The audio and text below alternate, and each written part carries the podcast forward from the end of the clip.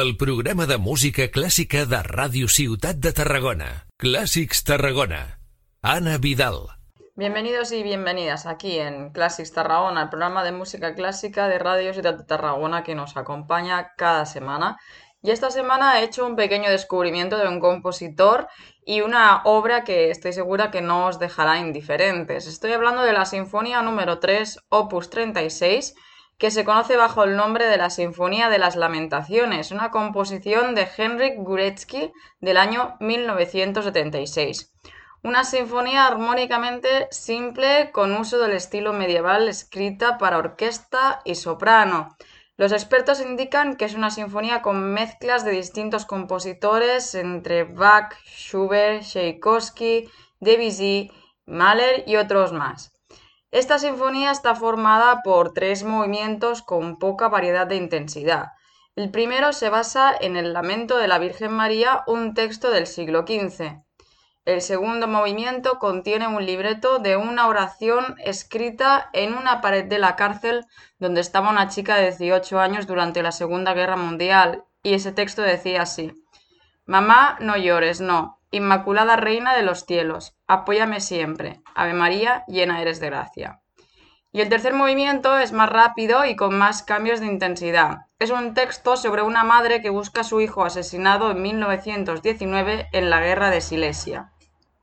Esa tercera sinfonía la dedicó a su mujer como una representación del amor y el vínculo entre una madre y una hija. Representa el amor y la separación por culpa de la guerra.